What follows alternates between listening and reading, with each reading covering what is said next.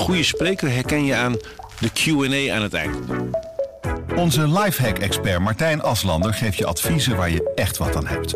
Beluister en bekijk Martijn of een van onze andere experts op businesswise.nl. Businesswise, het nieuwe platform voor iedereen met ambitie.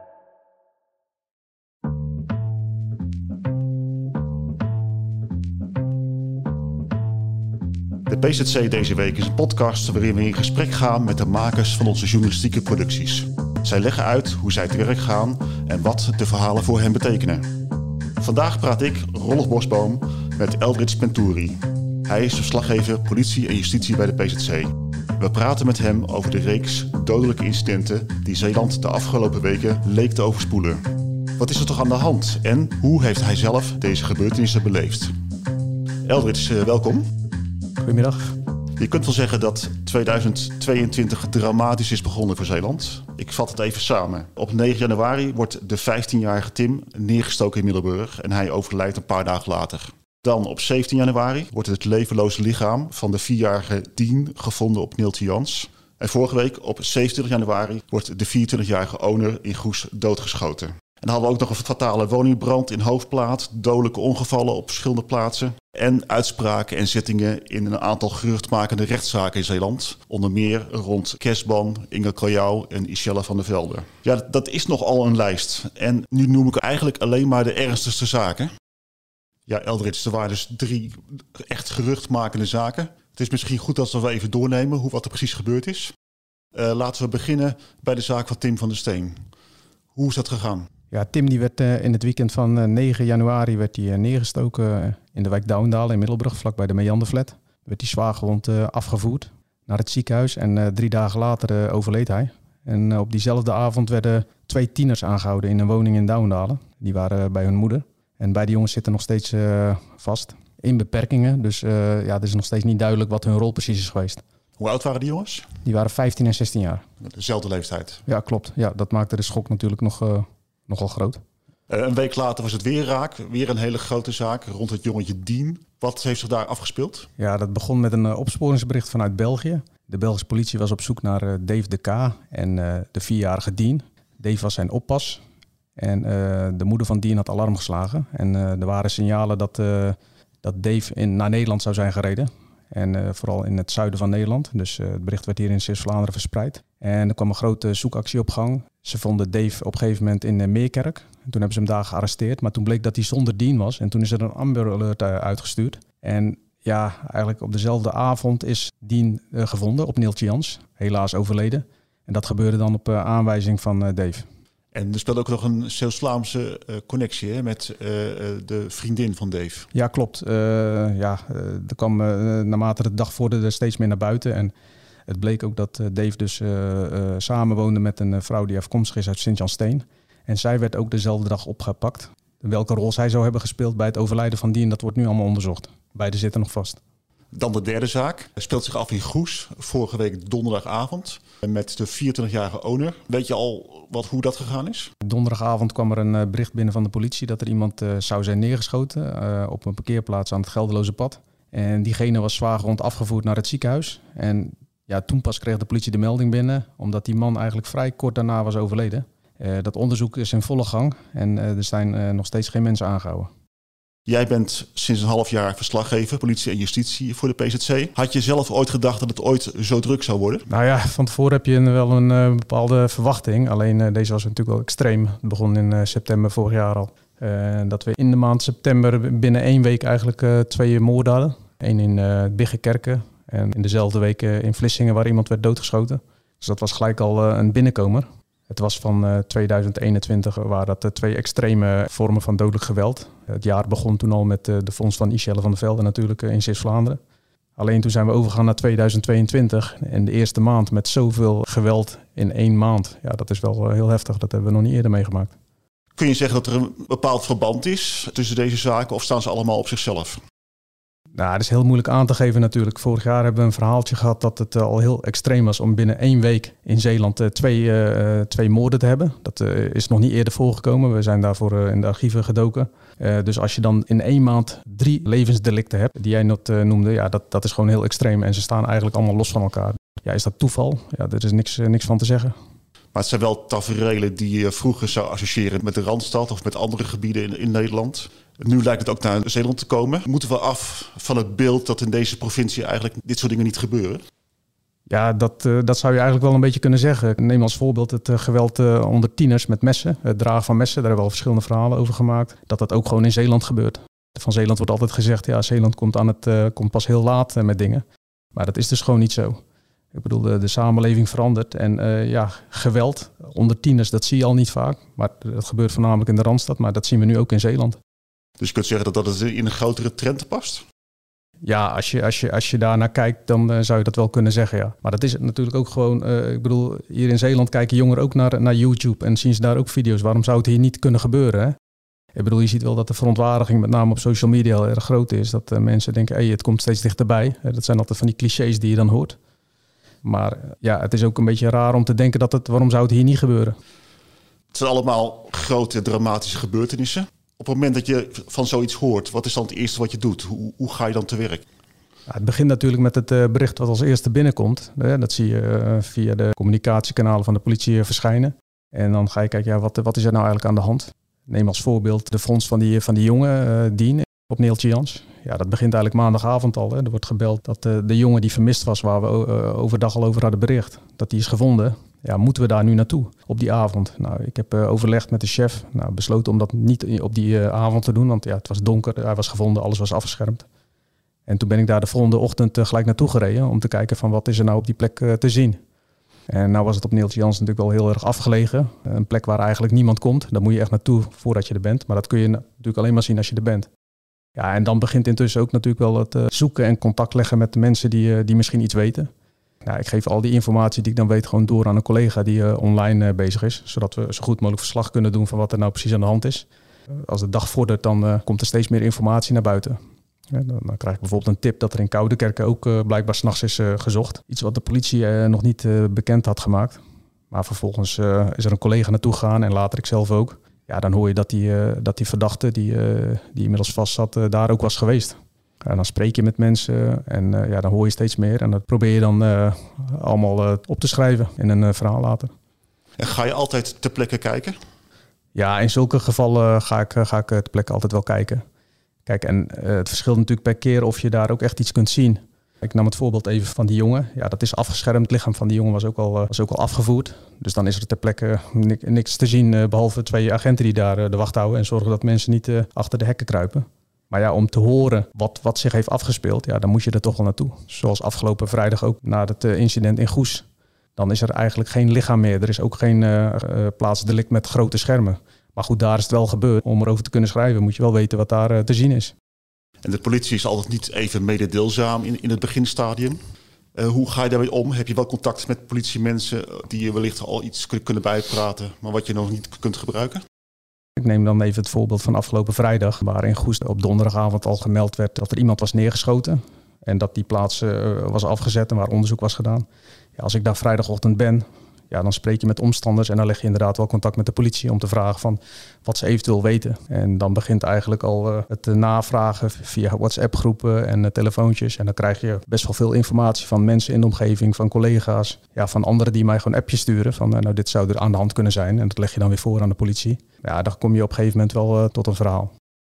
Maar al dit soort zaken zijn altijd omgeven met geruchten. Iedereen heeft wel iets gehoord van iemand van iemand. Hoe filter je al die informatie om te zorgen dat je toch niet de verkeerde berichten naar buiten brengt? Ja, dat is altijd wel een ding, om, om het wel bij de feiten proberen te houden omdat, uh, ja, ik vind het niet echt sterk als je gewoon de geruchten gaat opsommen. Dat loopt soms zo, zoveel uiteen. Uh, dat heeft niet zoveel zin. Dus ja, met de informatie die, die, die, die, waarvan je weet dat die wel betrouwbaar is. Hè. Dus als je bijvoorbeeld een, uh, iemand opzoekt die echt heel dicht bij een, bij een omgekomen slachtoffer staat. Ja, dan kun je ervan uitgaan dat die informatie wel betrouwbaar is. En dan kun je dat wel, kun je dat wel gebruiken. al dan niet ook bevestigd door andere bronnen. Maar om gelijk het eerste, de beste gerucht op te schrijven, dat, ja, dan moet je proberen van weg te blijven. En de betrokkenen bij zo'n zaak, dus familieleden of vrienden, of zitten niet altijd te wachten op de interesse van de media. Hoe ga je daarmee om? Ja, het is altijd een beetje aftasten. Uh, want uh, in de ene zaak verloopt dat anders dan in de andere zaak. Tegelijkertijd wil je ook gewoon uit een bepaald soort respect, een bepaalde afstand bewaren natuurlijk. Want iemand die, die net iemand is verloren, die zit inderdaad niet te wachten op een journalist die, die een hoop vragen komt stellen. Dus dat is ook kijken hoe dichtbij kun je komen bij mensen. misschien ken je ze, want ja, we zitten in Zeeland. De omgeving is natuurlijk niet heel groot. zeker niet als het hier op Walcheren speelt ja, dan is het heel erg zoeken naar de, naar de contacten. Hoe kun je het contact maken zonder dat je mensen het nog moeilijker maakt dan ze het al hebben, zeg maar. En als ze zeggen nee, is het dan ook echt nee voor jou? Ja, als, als mensen dat niet willen, dan, uh, ja, dan houd je ook wel die afstand. We hebben drie grote zaken gehad op dit gebied. Eh, de kwestie rond uh, de doodgestoken Tim en de doodgevonden jongen op Nilte Jans. Die hebben dagenlang het nieuws beheerst. Bij de doodgestoken man in Goes was het wat minder. Daar weten we ook minder van. Hoe is dat te verklaren, dat verschil? Wat je wel merkt is dat, uh, dat als het gaat om uh, geweld waarbij tieners zijn omgekomen, of kinderen, jongeren, ja, dat de verontwaardiging dan heel groot is. Hè. Dat heeft heel veel impact uh, op, op de samenleving. Dat zie je op social media, dat zie, je, dat zie je op straat, dat hoor je overal. Ja, op een of andere manier komt er dan veel meer berichtgeving op gang. Dat zien we hier ook op de kranten, maken we ook meer verhalen over hè, in zo'n geval. Dan laten we bijvoorbeeld een eh, criminoloog eh, vertellen over uh, ja, wat, wat betekent geweld onder de jeugd. nou, is dat nou een trend of welke, welke ontwikkeling ziet hij daarin? En dan laten we die er ook over vertellen. En als we de zaak van Van Die nemen, een jongetje uit België, dat trekt dus ook de aandacht van de Vlaamse media. In hoeverre werk je dan samen met, met hen? Ja, dat viel wel heel erg op bij de zaak van Dien. Want toen ik op Neeltje Jans was en daar dus de agenten zag, kwamen er ook heel veel Belgische collega's die, uh, die over de grens waren gekomen om uh, deze zaak te volgen. En dan automatisch raak je in gesprek met collega's. En dan moet ik ook zeggen dat we natuurlijk met DPG ook contact hebben met de Belgische uh, kranten. En dan is het uh, ja, ook wel logisch dat je elkaar uh, waar nodig een beetje kan aanvullen. En ik moet zeggen dat we me wel opviel dat de Belgische media heel ver daarin gingen. Zo ging een collega van de tv, die ging zelfs een paar dagen later ook naar Amsterdam. Om, omdat ze ervan uitging dat daar de voorgeleiding was van de verdachte. Dat was ook zo aangekondigd. Alleen ja, zat de verdachte gewoon in Breda. En stond zij daar dan uh, in Amsterdam, was eigenlijk voor niks gereden, want het uh, ging via een videoverbinding. Maar om aan te geven dat zij daar heel ver in gaan. Zij willen echt overal van weten. En ja, die hebben er echt uitvoerig over gepubliceerd. Het lijkt me best lastig, want zij gaan blijkbaar verder in wat zij melden over hun zaak. Dwingt het jou dan ook om verder te gaan of om meer te brengen? Uh, nou, dwingen niet. Kijk, hier hebben we ook intern overleg van wat kunnen wij dan brengen in zo'n geval en wat brengen we niet het is toch ook een beetje een andere cultuur zeg maar, die, er, eh, die heerst in eh, België en, eh, en, en, Nederland. Dus dat is ook prima, want ik bedoel, ja, het is ook wel wat we gewend zijn natuurlijk. En nou heb je in zo'n geval als de zaak Dien, ja, dan, dan duiken er ook landelijke media op.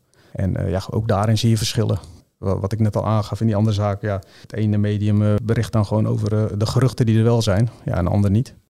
Welke zaak heeft je zelf het meest geraakt? Nou ja, de, de, de zaak uh, van Tim van der Steen is natuurlijk wel iets wat, sowieso heel veel impact heeft. Het komt ook misschien omdat Tim Middelburg speelt. Maar ook als je, ik, ken, ik heb zelf ook kinderen in die leeftijd, maar uh, ik ken ook heel veel jongeren in die leeftijd. Ja, dan vraag je toch af, hoe kan dat dan gebeuren dat, dat zoiets heeft plaatsgevonden? Op zondagmiddag 12 uur. Ja, die jongen is flink toegetakeld. Er werden later ook twee tieners opgepakt, die nog steeds vastzitten in beperkingen ja, je, je, je vraagt het je af. Tegelijkertijd kun je je eigenlijk niet voorstellen hoe zoiets gebeurt. En uh, hoe verschrikkelijk dat moet zijn geweest voor zo'n voor zo'n jongen. En je ziet door je werk wel, laten we zeggen, een beetje de zwarte kant van, van de samenleving, van het leven. Kun je het wel van je afzetten? Ja, op zich wel. Het is natuurlijk wel zo dat. Kijk, stel je voor, ik ga ergens naartoe omdat ik heb gehoord dat er iets heeft uh, plaatsgevonden. Dan weet ik natuurlijk al van, uh, ja, wat zou ik daar kunnen gaan, waar, waar, zou ik kunnen verwachten? Je weet ongeveer al wat, wat, er, wat er gebeurd is. Dus uh, als ik even het voorbeeld neem van, van vorig jaar in, uh, in Vlissingen, ja, dan is er iemand neergeschoten. Ik bedoel, dat hoor je al, dat zie je via social media. Nou, dan zie je zo'n plek die is afgezet. Kijk, over het algemeen zie ik niemand liggen daar. Dat gebeurde nu in Vlissingen wel. Toen ik in de, in de steeg keek, ja, dan zie je iemand liggen. Dat is natuurlijk wel een akelig beeld. Maar ja, je, je komt daar ook uh, om, je werk gewoon te doen. Dus je moet het ook wel los kunnen laten. Um, tegelijkertijd is het ook zo, zo'n zo'n dag als met Dien op Neeltje Jans. Ja, daar ben ik eigenlijk van ochtends tot avonds heel de dag bezig daarover, berichten. We zijn ook aangesloten bij DPG, waar uh, ook AD uh, deel van uitmaakt. Ja, dan wordt er ook nog gebeld uit Rotterdam, omdat die zaak zo groot is dat ze me dan uh, twee keer live verslag willen laten doen via de telefoon. Ja, dat hoort er ook allemaal bij. En dan zit zo'n dag wel vol en dan, dan, lukt het wel moeilijker om in slaap te komen. Maar gewoon omdat je hoofd vol zit. Ook voor de politie is het een behoorlijk heftige periode. je hebt ook met ze gesproken over wat het voor hen betekent. Hoe gaan zij ermee om? Um, ja, naar aanleiding van al die incidenten heb, heb ik gesproken met een uh, agent in uh, Zeeuws-Vlaanderen. Die ook uh, lid is van team Collegiale Ondersteuning, heet dat. Wat zij doen is eigenlijk ervoor zorgen dat hun mensen ja, goed omgaan kunnen gaan met dit soort incidenten. Want los van de geweldsincidenten en ongelukken ja, hebben ze ook te maken met zelfdoding of andere vormen van niet-natuurlijke dood. Ja, dat heeft ook impact op die mensen. Ze worden voor getraind. Maar ze zijn ook gewoon mensen, die, mensen van vlees en bloed. Zoals die agent zei, in het uniform zit ook een mens. Dus uh, ja, daar is wel heel veel aandacht voor. En even los van dat het hun werk is, hebben, ze daar ook wel, uh, hebben sommige mensen daar ook wel hulp voor nodig. En die verlenen ze dan ook aan elkaar. En op een gegeven moment raken zaken uit het nieuws, maar zijn ze nog niet afgelopen, want er volgt nog vaak een rechtszaak. Hoe hou je dan contact met, met betrokkenen in die periode? Ja, dat is altijd wel uh, belangrijk om dat op een bepaalde manier uh, te onderhouden. Omdat ja, in sommige gevallen uh, ja, willen mensen ook op een moment hun verhaal doen. En je probeert dan op, ja, op gepaste afstand zeg maar, contact te houden. En uh, in veel zaken uh, gebeurt dat ook via een, uh, een bemiddelaar, een woordvoerder van de stichting namens de familie, uh, Stichting. Zodat je als journalist ook niet steeds de familie hoeft te benaderen. En dat werkt op zich wel goed. Maar ja, er komen op een gegeven moment ook, hè, als er aanhoudingen zijn verricht, komen er ook rechtszaken aan. Ja, dan blijf je toch zo'n zaak volgen. En dat gebeurt nu ook met, met, met, deze zaken. Dus ja, je probeert wel die, die, dit contact te houden, en, maar wel op een nette manier, zou ik willen zeggen. En op het moment dat het voor de rechter komt, dan ben jij er weer bij om te kijken wat er gebeurt. Ja, in, uh, in principe uh, wel. Bij de grote zaken proberen we dat wel te doen. En uh, ja, waar nodig doe ik het samen met een collega. als we ook nog eens willen twitteren of zoiets. Of dan komen we maken dan ook nog eens video's met een interview met de officier of met de persrechter. januari was een dramatische maand. Het is inmiddels februari. Hoop je dat het nu wat rustiger wordt? Ja, ik uh, zei laatst tegen een collega van... Uh, kijk, je weet natuurlijk wat je werk inhoudt. Maar uh, ja, dit wil je niet al te vaak hebben natuurlijk, zulke periodes. Want het ja, is behoorlijk heftig. Nou, laten we dat hopen. Dankjewel voor het gesprek, Eldridge. Dit was het weer, de PZC deze week, met als gast Eldridge Penturi. Volgende week zaterdag zijn we weer met een nieuwe aflevering. Bedankt voor het luisteren en tot volgende week.